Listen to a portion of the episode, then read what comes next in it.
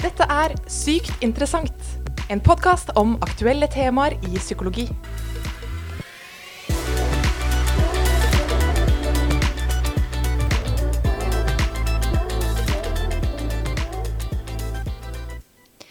I jula så er det ekstra mye snakk om det å være snill og hjelpe hverandre. Men når er det vi egentlig hjelper andre mennesker, og hvorfor? Er det noen ganger vi burde hjelpe, men vi lar være? I denne episoden av Sykt interessant skal vi snakke om hjelpeatferd. Og du lytter til meg, Mette SV Myrmæl, og med meg i studio så har jeg hele podkastredaksjonen. Ja, hallo, jeg er Ella Marie Sandbakken. Og jeg er Silje Berg. Og vi har jo også med oss en person til, nemlig deg, Anni. Hallo. Hallo, hallo. Du skal jo rett og slett bli en del av podkastredaksjonen over jul. Ja, det gleder jeg meg veldig mye til. Jeg har jo allerede vært med på noen episoder eh, før. Pratet litt om sosiale medier og seksualitet, annet. Mhm. Så ja, jeg ser veldig frem til eh, den kommende sesongen. Ja, så bra. Og vi har jo fått deg inn som vikar da, for Silje, fordi du Silje skal jo i permisjon. Ja, det skal jeg. Og jeg eh, blir jo borte et lite år, men så kommer jeg tilbake. Ja, det er bra, og det er vi veldig glad for. Og kanskje vi får med deg som eh, gjest på en episode eller to Ja. gjennom året som kommer òg. Du skal ikke se bort ifra det. En liten teaser til neste sesong er jo at jeg og du, Mette, har jo faktisk eh, avtalt å lage en ny episode som omhandler litt sånn kjærlighet og parforhold-tema. Å, så gøy! Ja, det blir spennende. Ja, det gleder jeg meg også veldig til. Um, Men Silje, siden det er du som skal i permisjon, da, så lurer jeg på om vi skal ta vår faste spalte, Sykt personlig, på deg eh, i dag. Det kan vi gjøre. Så bra. Ok, så da er det spørsmål nummer én, da. Hva innen psykologi skal du drive med det neste året? Ja, da skal jeg faktisk jobbe i skolehelsetjenesten i en bydel i Oslo. Og så skal jeg være psykolog tilknytta litt ulike videregående skoler. Så det tror jeg blir veldig bra, altså. Ja, det høres veldig spennende ut. Og hva kunne du ikke klart deg eh, uten? Åh, nei, jeg vil vel ikke klare meg uten denne podden, da. så jeg svarer sykt interessant, det er bare for å Du kan jo heldigvis høre på episodene, da. Det, Heldigvis. Du har, det, du har det på øret. Ja. Og spørsmål tre handler jo alltid om dagens tema. Eh, Så i dag så vil jeg spørre deg når hjalp du noen sist? Ja, um, når jeg tenker meg om, så hjalp jeg min mor eh, sist. Fordi hun, eh, mamma hun er så sprek at hun tar videreutdanning i voksen alder. Og så har hun eksamen i dag, så i går hjalp jeg henne litt med å pirke litt på presentasjonen. Ah, Rollen har liksom endret seg. Nå er det du som hjelper din mor. Litt leksehjelp. Ja, men Det er hyggelig. Da setter vi i gang. Ok, dere. Nå som vi nærmer oss julen med stormskritt, så er det et tema fra sosialpsykologien som det er eh, interessant å prate litt om. For rundt juletider så blir man ofte spurt om man ønsker å glede noen som gruer seg til jul, ved å f.eks. gi et engangsbeløp til Kirkens Bymisjon. Pengene går til å hjelpe de som trenger det, og ved å gi et engangsbeløp for de som er vanskeligstilte i samfunnet, middager og en varm seng å sove i om natten. Et interessant spørsmål å stille kan jo derfor være når er det vi velger å hjelpe noen som trenger det, og når er det vi lar være? Og når vi velger å hjelpe noen andre, hvorfor gjør vi det egentlig? Ja, det syns jeg er et interessant spørsmål, som kanskje også mange hjelpeorganisasjoner der ute ønsker svaret på. Så hva tenker du da? Når er det vi eh, egentlig velger å hjelpe andre? Det er flere forskjellige teorier om eh, dette, eh, og en av disse er en sosialpsykologisk eh, teori som kalles for sosial utvekslingsteori. Og denne forklarer at vi gjør en slags sånn kost-nytte-vurdering når vi vurderer om vi skal hjelpe andre eller ikke. Der vi da ønsker å maksimere fordelene og minimere ulempene. Så ifølge denne teorien så setter vi da kostnaden av å hjelpe, f.eks. tiden og pengene det koster å donere penger til Kirkens Bymisjon, opp mot kostnadene ved å ikke hjelpe, som f.eks. dårlig samvittighet og skyldfølelse. Og så kan man også vekte fordelene ved å gi penger til Kirkens Bymisjon. F.eks. at man føler seg bra når man hjelper noen som trenger det, opp mot fordelene ved å ikke gi penger. F.eks. å spare penger og tid. Ifølge teorien så vil altså denne kost-nytte-vurderingen være avgjørende for om vi velger å hjelpe noen andre eller ikke. Mm. Og fordelene ved å hjelpe andre, det kan jo være veldig mange. Og som du er inne på, så gjør jo det at når vi hjelper andre, så føler vi oss også ofte veldig bra med oss sjøl. Mm. Og det er det jo flere studier som viser også at når vi jobber frivillig, eller f.eks. donerer penger til noen som trenger det, så booster dette visse områder i hjernen vår som gjør at vi føler oss bra. Så vi blir faktisk ganske glad av å hjelpe andre ofte òg. Mm.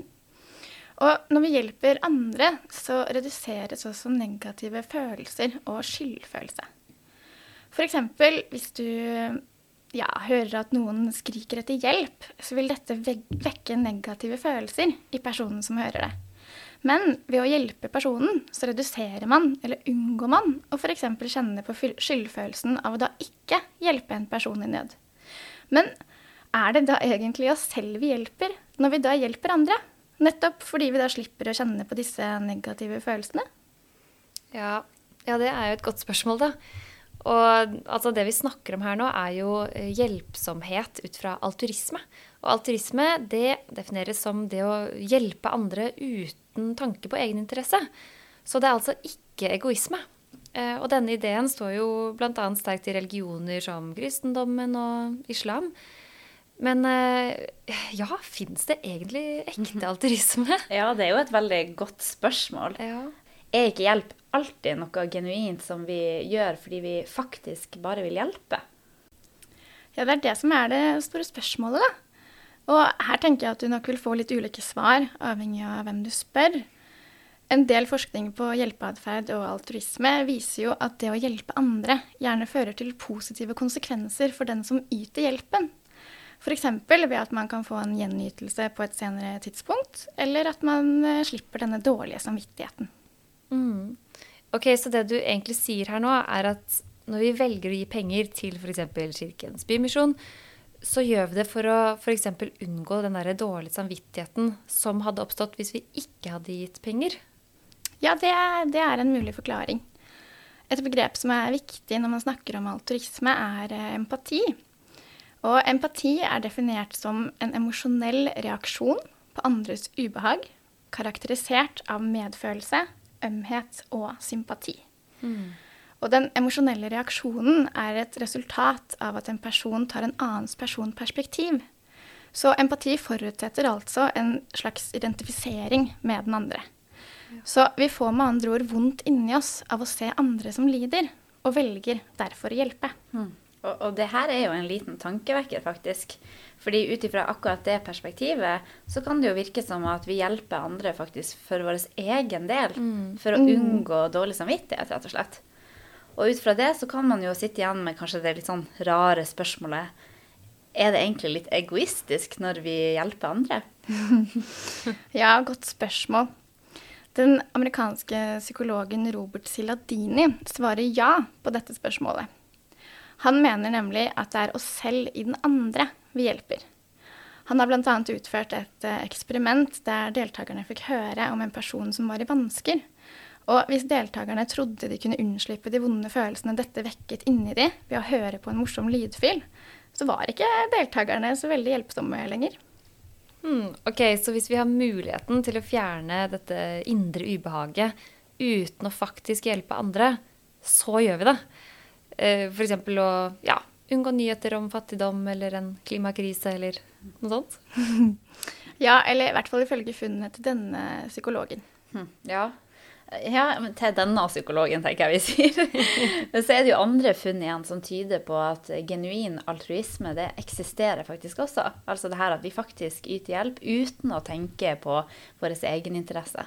Ok, ja. Ja, fordi som vi var litt inne på i stad, så er jo empati veldig viktig når vi snakker om altruisme.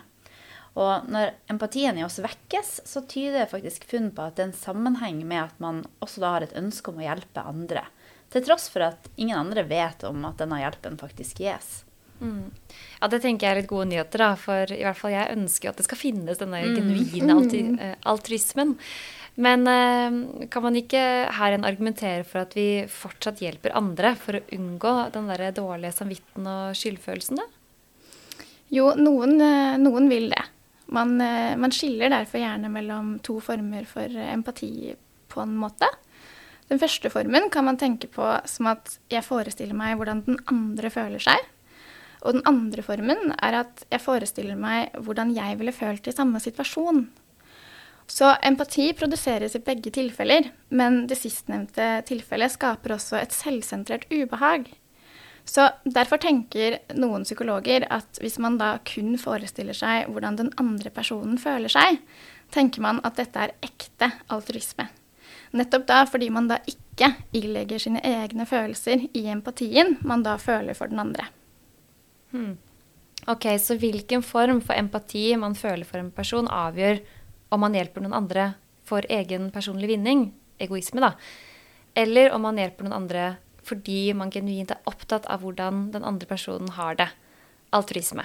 Mm, ja, nettopp. Ja, Innenfor det her så kommer jeg til å tenke på en modell som handler om akkurat det at vi kan ta både en såkalt egoistisk eller en såkalt altruistisk rute for å hjelpe andre. Så ifølge denne modellen, hvis vi ser noen som lider, og føler på ubehag, så, så ser forskerne for seg at motivasjonen for å hjelpe da er en egoistisk motivasjon. Nettopp for å redusere det ubehaget. Sånn som du har snakket om, Annie, med det å gi penger til veldedighet, av motivasjonen for å unngå dårlig samvittighet. Mm. Og da kan man jo si at denne atferden, altså det å hjelpe, er på en måte litt ut fra vår egen interesse. Men så er det den andre ruta, som de kaller for den altruistiske ruta til å hjelpe andre. Hvor vi ser en annen persons ubehag, føler på empati og medfølelse for den andre. Og da mener disse forskerne at det setter i gang en altruistisk motivasjon. Og ikke for å redusere vårt eget ubehag, men den andres. Og da kan vi snakke om hjelping ut fra altruistiske motiver. Mm. Og for meg så høres dette litt ut som indre og ytre motivasjon, på en mm. måte. Hvis det gir mening for dere. Mm. At indre motivasjon er jo jeg trener fordi det er gøy, f.eks. Eller jeg liker jobben min fordi jeg syns arbeidsoppgavene er morsomme. Jeg er indre motivert. Mens ytre motivasjon kan jo være jeg trener for å unngå dårlig samvittighet for å ikke trene, eller for å bryte nyttårsløftet mitt, eller så det, det, kan handle om en form for å redusere ubehag, altså en ytre motivasjon. Ja, det høres logisk ut. Det gir, eh, det gir mening. Men dere sier altså at det er her forskerne ikke er helt enig? Ja, det gjelder jo mye innenfor psykologien, men, eh, men, ja. Dette er en eh, pågående debatt fortsatt. Det er akkurat det. Og for noen psykologer og fagpersoner mener at mennesket grunnleggende sett at man kan koke det ned til at vi handler ut ifra vår egen interesse. Mens det er andre som mener at det fins også handlinger som gjør ut fra et genuint ønske om det beste for andre. Og jeg tenker at det er veldig interessant at f.eks. i en krisesituasjon, som f.eks. en naturkatastrofe eller ved epidemiske utbrudd, så har man sett at altruistisk hjelpeatferd, det øker. Og det er jo også veldig sånn interessant at kanskje noen type hjelpeatferd ikke kan sammenlignes helt med andre, sånn som det med å gi til en veldedig organisasjon, er ganske annerledes fra å hjelpe i andre type situasjoner. Ja. Mm. ja det er veldig sant. Uh, men ja, det er altså veldig mange mulige forklaringer på hvorfor vi hjelper andre. Men det jeg lurer på da, er hva med når vi ikke hjelper andre? Altså hva, hva kan være årsaken til at vi lar være da, å hjelpe noen? Ja, og det er jo et veldig godt spørsmål, og relevant hvis man egentlig har lyst til at folk skal hjelpe hverandre. Og det er flere forklaringer på hvorfor vi av og til lar være å hjelpe andre. Men jeg tenkte å trekke fram denne um, the bystander effect, eller det som kalles for tilskuereffekten på norsk. Mm. Og den effekten den handler om at vi påvirkes av andres tilstedeværelse. At det påvirker vår tendens til å hjelpe. Mm. Og det er faktisk sånn at det sto flere personer som er vitne til en og samme nødsituasjon, er i seg sjøl en faktor som reduserer mennesker sin tendens til å hjelpe. Mm, og Det er derfor det kalles tilskuereffekten. Fordi jo flere tilskuere det er til stede, jo mer synker sannsynligheten for at jeg kommer til å hjelpe. Rett og slett. Det er det den effekten handler om. Og det er fordi hvis det er flere mennesker til stede, så reduseres sjansen for at man legger merke til situasjonen, og at man tolker situasjonen som en krise og påtar seg ansvaret for å handle. Mm. Ja, jeg kan jo kjenne meg litt igjen i dette her. Eh, når det kommer til f.eks. en gruppechat, og jeg vet at dette ikke er eh, en nødsituasjon eller en krise. Men hvis noen stiller et spørsmål da, og lurer på om noen i chatten f.eks. kan hjelpe til å arrangere en bursdag, eller kan noen hjelpe til med å flytte, så i hvert fall har jeg ganske fort eh, glemmer jeg ganske fort å svare. Fordi jeg føler på en måte ikke på det der ansvaret da, på, med å svare på en melding med veldig mange mottakere. Men hadde noen spurt meg direkte, så hadde jeg jo selvfølgelig eh, svart. Eh, og følt et mye større ansvar for å, for å svare også. Ikke sant? Veldig godt eksempel, og ikke så rart, tenker jeg. At eh, man lurer på om eh, det er jeg som har ansvar for å hjelpe, hvis det er 20 andre personer i den gruppechatten. Mens hvis du blir spurt direkte, så er det jo helt tydelig at det er ditt ansvar. Ja. Og her kan vi jo snakke om nettopp denne tilskuereffekten. Hvor det at andre tilskuere er til stede, reduserer sjansen for at du hjelper i dette eksempelet.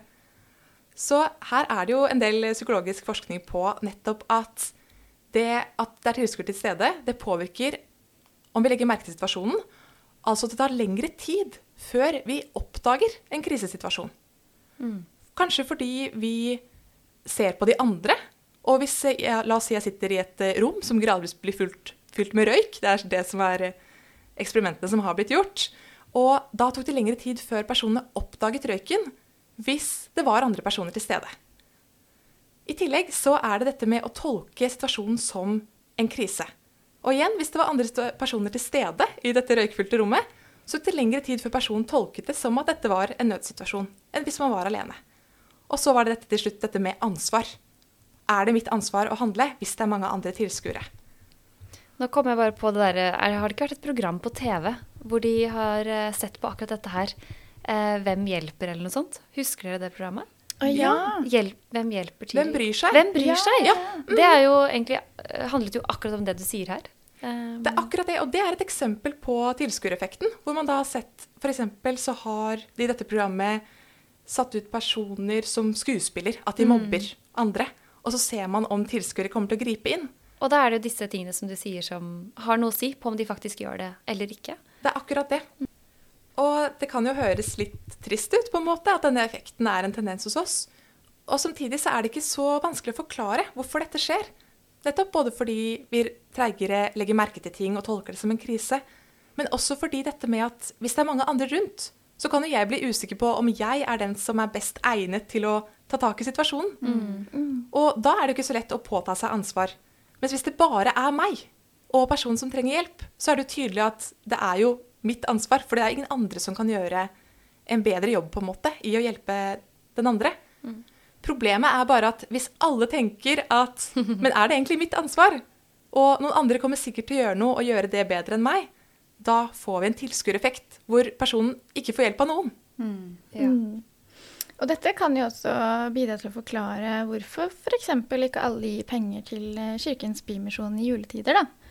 Jo flere som er vitne til en hendelse, desto lavere er sannsynligheten for at hver enkelt faktisk foretar seg noe. Da. Mm, det er akkurat det det er en fare for. For da tenker man kanskje at nei, men det er så mange andre som gir. Mm. Er det da egentlig mitt ansvar? Ja, det er sant. Men hva kan motvirke det, da? Har vi noen svar på det? Ja, heldigvis. Og det som er så fint med tilskuereffekten, er at bare det å vite at denne effekten fins, det reduserer effekten. Ja. Dette har de forsket på. At når studenter får lære om effekten, så blir den redusert. Så du som lytter, nå som du har lært at dette er en tendens hos oss mennesker, særlig med mange tilskuere rundt, så klarer du med større sannsynlighet å motvirke at det skjer med deg. Det er så sant. Jeg husker faktisk da jeg lærte om bystander-effekten eh, i en forelesning, at eh, foreleseren sa nå som dere har lært om dette, så eh, kan vi forhindre at man selv ikke griper inn. Altså, ja.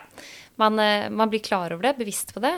Og bare det i seg selv eh, gjør at man eh, eh, ikke går i denne fellen, da, hvis man kan si det. Mm. Mm. Så la oss si at jeg hadde sett noen som virkelig trenger hjelp, og tenkt at ja, noen andre kommer helt sikkert til å gjøre noe med det. Særlig hvis det er da mange andre til stede. Men nå som jeg da har lært, eller dere som lytter har lært, at mange andre også med stor sannsynlighet tenker akkurat den tanken, at noen andre kommer sikkert til å hjelpe, så tar jeg raskere ansvar. Mm. Så da skjer ikke den effekten. Når vi vet om den tankefeilen, så kan vi også være bedre på hjelpeatferd. Ja, så det, det, å lære mer om eh, psykologi, altså, det gjør oss uh, snillere, rett og slett. I hvert fall dette fenomenet her. Ja, jeg er enig, og det syns jeg er jo et fint budskap å ta med seg inn i jula òg, da. Mm. Ja. Og med det så har vel tiden kommet for å takke for denne sesongen her. Og gi oss med, med, det. Ja, tusen takk for nå, og for en bra sesong. Og ikke minst mm. tusen takk til deg som har lytta. Vi gleder oss veldig til flere spennende episoder på nyåret. Ja. God jul! God jul! God jul! Du har nettopp hørt en episode av Sykt interessant. En podkast om aktuelle temaer i psykologi.